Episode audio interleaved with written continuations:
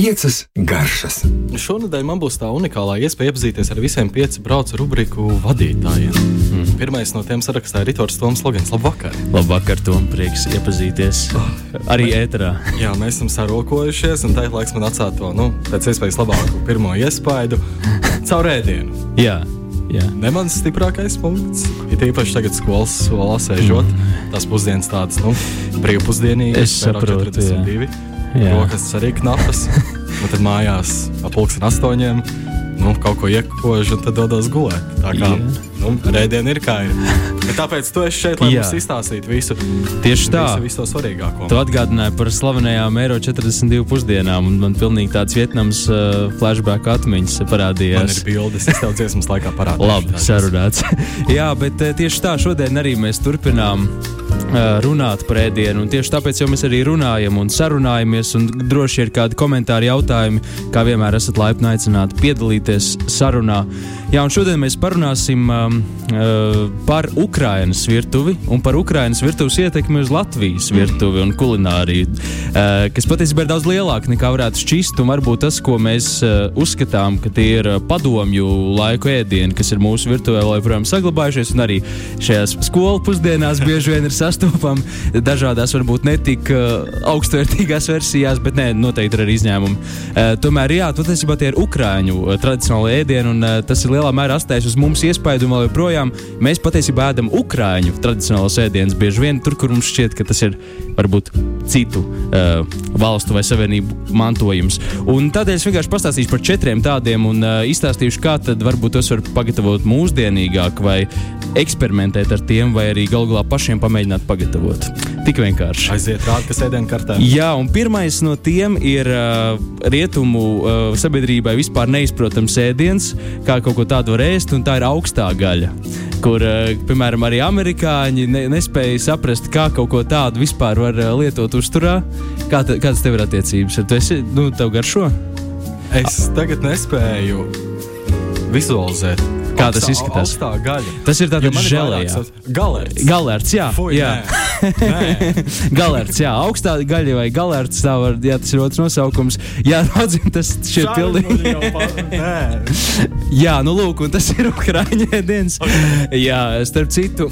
un, um, Jāsaka, tiešām man ar līdz kādam konkrētam brīdim bija tieši tādas pašas emocijas saistībā ar šo ēdienu, bet tad es nogaršoju tādu tradicionāli pagatavotu, kārtīgu augsto gaļu, jeb galertu, un, un tad manas domas tiešām mainījās. Un katrā ziņā, kas tas īsumā ir, protams, ka tā, tā ir vārīta nu, gaļa, kas ir vārina, vārīta tādā marinādē, buļļonā, un tad vai nu dabiski sažēlējusi, tāpēc ka vienkārši gaļā bieži vien tīpaši tādos gabalos, kur vairāk ir šīs saistvielas ir uh, dabīgais želatīns un šī gaļa sažēlē. Tad mums ir tāds nu, žēlēji, jā, tāds uh, deserta izskata ēdiens dažkārt, kas patiesībā ir sāļš un pareizi pagatavots ļoti garšīgs. Jā, zinu, ka daudziem tās klasiskās receptes bieži vien ar, ar, arī ar lielopu mēli un, un ar cūgaļu galīgi neiet pie sirds, taču ir daudz un dažādi. Nu, dažādas variācijas, kas mazliet aiziet prom no tās klasikas, bet uh, man liekas, ka tas ir tas virziens, kur var pamēģināt. Ja, ja nu galīgi tā, tā klasika nepatīk šķiet par taukainu vai par, uh, nu tā teikt, jā. Uh, eksotisku. Un viens no tādiem veidiem ir, ja garšo zivis, tad uh, lieliski to var darīt ar lasi. Mm -hmm. Un mhm. laša, galērts vai laša augstā gaļa, tas jau būs kaut kas pilnīgi cits, uh, cita veida. Tomēr, jo lasis, ja garšo lasis, tad nu, tiešām mēs varam savārīt marinādi, kur varbūt jūsu mīļākās garšvielas, tur var būt citrusi, eh, citronzāles, viss iespējamais. Un tiešām uz pāris minūtēm ielikt arī šo lasi. Galvenais nepārgatavot, lai tas ne, nebūtu sauss un negaršīgs. Un tad sajaukt ar želatīnu un, un pagatavot šo augsto laša galērtu. Un ticiet man, tas būs kaut kas pilnīgi cits. Un to, piemēram, uzlikt uz maizītes tāda jauna veida lašmaizīte, piemēram, tā varētu būt. Vienkārši mums ir maize un šis te laša galerts, kur arī noteikti varētu būt sīpoli, pipari, kā manis minētie citrusi, etiķis, dīles. Nu, viss, vis, ko jūs varat iedomāties, kas piestāvētu tādam labam lasim.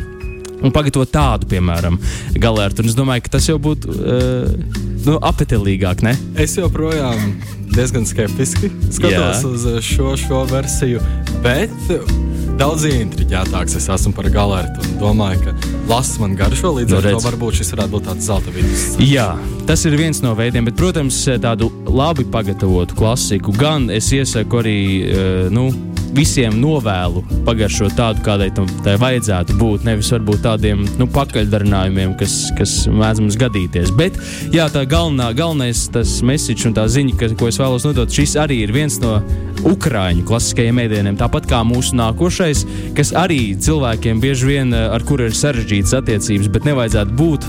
Un, uh, tas ir zaļais boršs, uh, ukrāņiem, jeb kā tu domā, kas tā ir par zupu?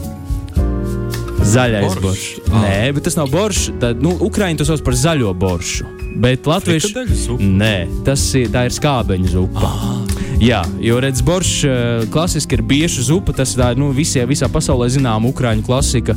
Bet uh, boršs viņam nav tikai no bietēm, arī, arī, arī skābeņa zupa ir uh, za, zaļais boršs. Un, uh, tā, tā tiem tiešām ir, uh, nu, še, šai zupai ir slikta slava saistībā tieši ar tevis pieminētajām uh, pusdienām skolās bieži vien un bērnu dārzos. Jau agrā bērnībā iekaļ tādu riebumu pret šo. Kā es gribētu teikt, bērnu dārzā, jo tagad vidus vidusskolā mums nav zaļais burbuļs, mums, ir, mums ir parastais. Jā. Un... Varbūt viņi grib, lai mēs kaut kā evolvējamies uz to sarkanu. Nu, jā, jā, jā, jā. Nē, nu, katrā ziņā uh, zinu, arī man pašam varbūt ir bijis bērnībā tādas sliktākas pieredzes, un tas, kas mums bērnībā tiek satraumēts, tas mums visu mūžu seko bieži vien un, un, un, un baida. Un tas ir ne tikai ēdienu, bet ēdienas lielā mērā. Jā, tāpēc visiem vecākiem iesaku, iesaku vest pa pareizajām takām savus bērnus. Bet, bet atgriežoties pie zaļā borša. Tā ir redz, zupa, kas patiesībā, manuprāt, visaktuālākā ir pavasarī. Tad, kad viss uh, zaļais uh, ir saudzes un skābenes, arī savvaļas skābenes. Ne, mums nav jāgaida tās skābenes, kuras tiks izaudzētas dārzos un parādīsies ap māju, bet jau agrāk bieži vien izliet pirmās skābenes, tāpat kā arī citi zaļumi. Uh, pavasarī pirmie zaļumi, kā gārs, arī nātres, kas arī ir diezgan klasiski pievienot nātres uh, skābeņu zupai. Tā ir tāda pavasara zaļumu, uh, dabīgo zaļumu zaļumu, pašu izaugušo zaļumu zupa, kas, protams, būs daudz arī vērtīgāk nekā no tiem zaļumiem, kas ir izaudzēti un tiek pārdoti plasmas iepakojumos veikalos.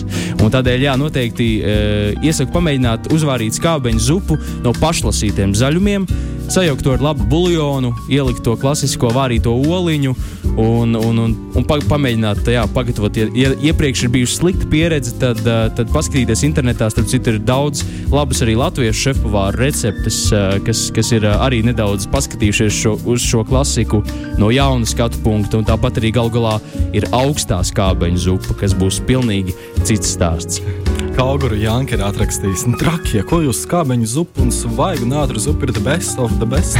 Jā, Janka, es nenosodu, bet, bet nu, dažreiz ir tās traumas, kurām vienkārši nespēja tikt pāri. Tieši tā. Es domāju, nu, daudziem skolāniem tā varētu būt. Jā, tas, tas būtu atsevišķs izcils temats, par ko parunāt.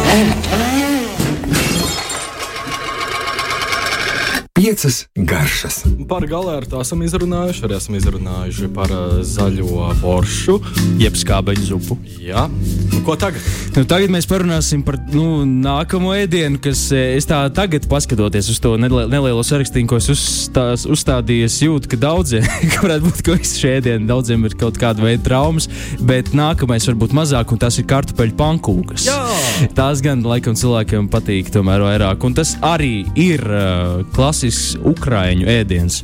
Jo vispār ir interesanti, ja parunā par ukrāņu virtuvi, uh, tad ir viens brīdis 19. gadsimtā, kurā Ukrāņi uh, arī kulinārā ziņā atdalās no Krievijas uh, un uh, ļoti sāk koncentrēties uh, uz tādu eiropeiskāku pieeju un koncentrēties uz kaut kādas gan arī kaukāzu pieeju, gan eiropeisku. Tas ir tāds mikslis tajā laikā, kas izveidojies līdz tādām klasiskām vērtībām, ko pēc tam Krievu virtuve un padomju virtuve uh, Savienības izveidošanās laikā ir pārņēmusi. Un līdz ar to tādas padomju klasikas daudzas patiesībā oriģināli ir Ukrāņu uh, klasikas, un to arī ir jāizceļ.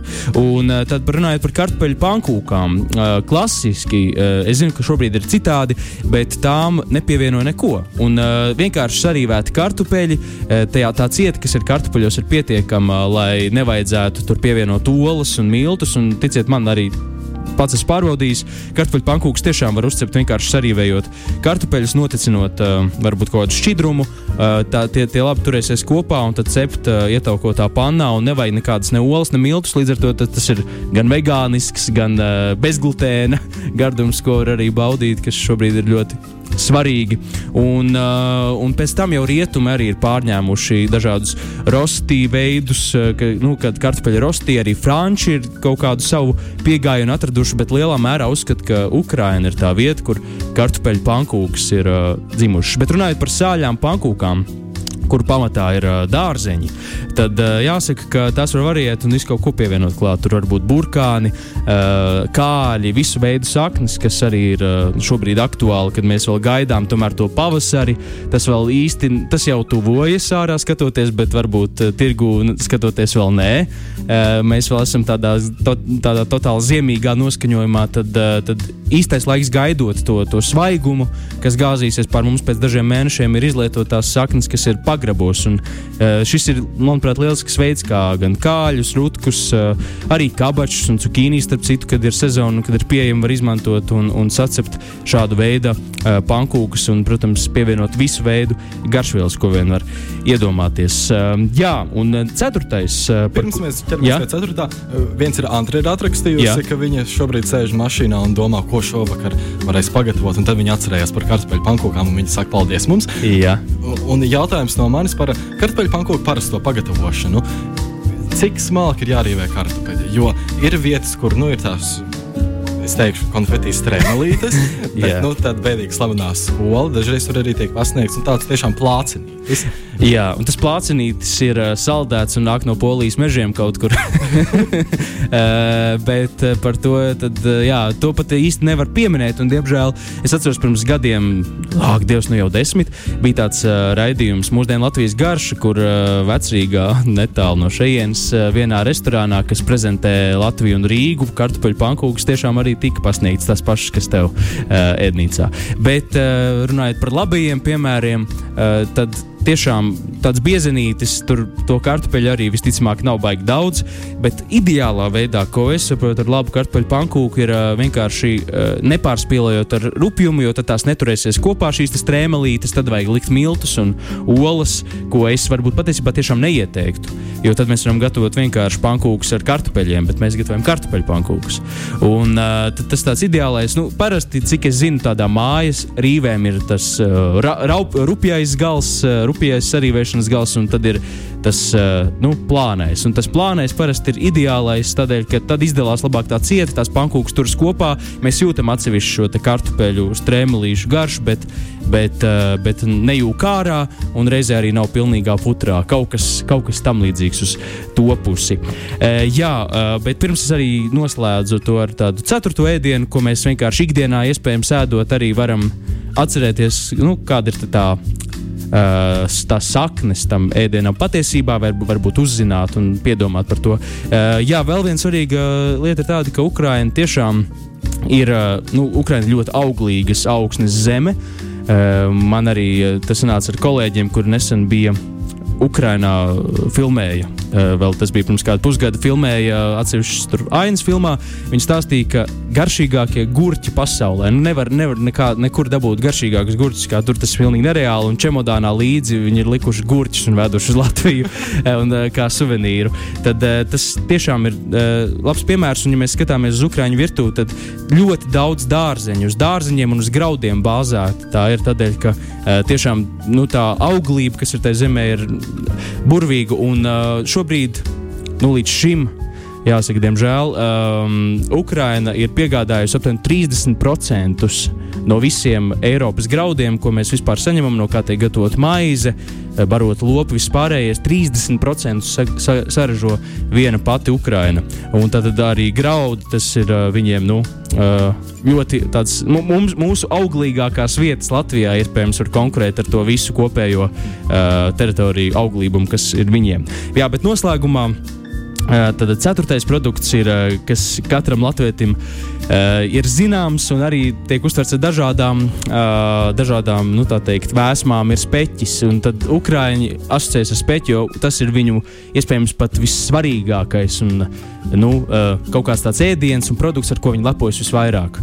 Un viņi arī māca to iespējams lab, vislabāk gatavot un sālīt. Uh, jā, uh, profesors Danilāns, uh, kurš uh, ir bieži vien bijis slavens ar dažādiem izteikumiem, uh, man liekas, man šķiet, par, ja pareizi, tad viņa tas uh, amats ir gastroenterologs. Bet, ja, ja, kā, ja kāds zina, ka ir pareizāk, tad droši labojiet. Uh, viņš ir teicis arī to, ka speķis ir jāēd, tādēļ, ka mums ir vajadzīgi tauki, un mēs pilnīgi izvairīties no tiem nevaram, un tad speķis varbūt ir tas labākais veids. Un, uh, nu, mūsu latviešiem zināmā speķmaizīte nāk pilnīgi precīzi no Ukrainas. Tas ir tieši rupmaizīte maize ar uh, speķi. Tas ir viņu nu, spēka avots, un kas arī teiksim, ganībās dodoties pirms simts gadiem, tas ir bijis tāds, ko, ko, ko ātri dabūt enerģiju. Un arī mums uh, tas ir uh, nu, tāds gardums, kas cilvēkiem garšo. Uh, jā, runājot par to spēķi, es iesaku katram pamēģināt pagatavot mājās pašam sālītu spēķi. Un, ja ir varbūt iespēja, tad pamēģināt to pašiem arī nokūpināt. Bet tur gan jau vajag iziet ārā, tur to, to dzīvoklī būs grūti darīt, un labāk varbūt arī nevajag mēģināt.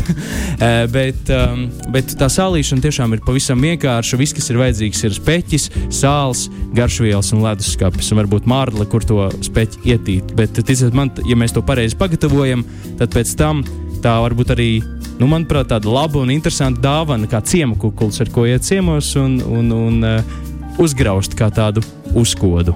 Tu pieminēji kūpinātu speķi, un es uzreiz pat neiztēlojos, bet sajūtu to kūpinājumu. Pies gan to kūpinājumu, gan to piesmukušo leduskapi, kur pēc tam viss ēdiens, pēc tā speķa smaržo Varbūt ir kāds ieteikums, vai vispār no tā var kaut kā atturēties, vai tas vienkārši mūsu liktenis, ja mēs gribam patērēt speķu un ielikt to savā leduskapī. Jā, e, nu tas speķis, ko tā sālīšanas daļa tā neko neizdarīs, tādēļ, ka speķi e, kūpina pašā beigās, kad tas ir nosālīts, tam jānostāv kāds divas nedēļas leduskapī, un ja mēs to ietenām marlē, tad, tad tas elpos un e, nu, tur nekāda problēma nebūs.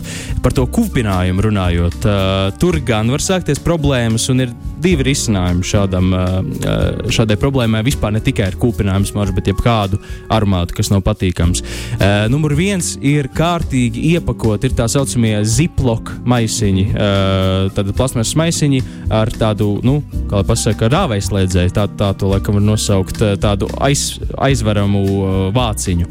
Un tad tādā turēt produktus uh, un to lietot vairākas reizes, izskalot, un tur viss būs kārtībā. Un otrs veids, ja jau mums ir šī problēma, tad uh, ielikt mazā bļodiņā kafiju vienkārši kafiju pāris ēdamkrots ielikt. Un interesanti, nezinu, kāda ir tur tāds, tas pamatojums, kā tas notiek, bet uh, šī kafija uzsūta šo nepatīkamu aromātu. Nav tā, ka viss smaržos pēc kafijas, bet, uh, bet uh, pazudīs kaut kāda nepatīkama aromāta, un tad varēs atkal uh, likt drošāk produkts iekšā un nebaidīties. Tas būs jāpiefiksē. Jā, paldies, bija prieks iepazīties to. Man arī nākamā nedēļa būs atpakaļ Toms Grēviņš. Ah, un tad ar citu tomu parunāšu. bet man Forši. patīk, ir ļoti izzinoši. Un tad uh, visi tie, kas šobrīd brauc mājās un domā, ko vakariņās taisīt, nu tad, lūk, jums ir četras labas opcijas. Paldies, arī par Tomu Logīnu. Paldies. Tiekamies kaut kā.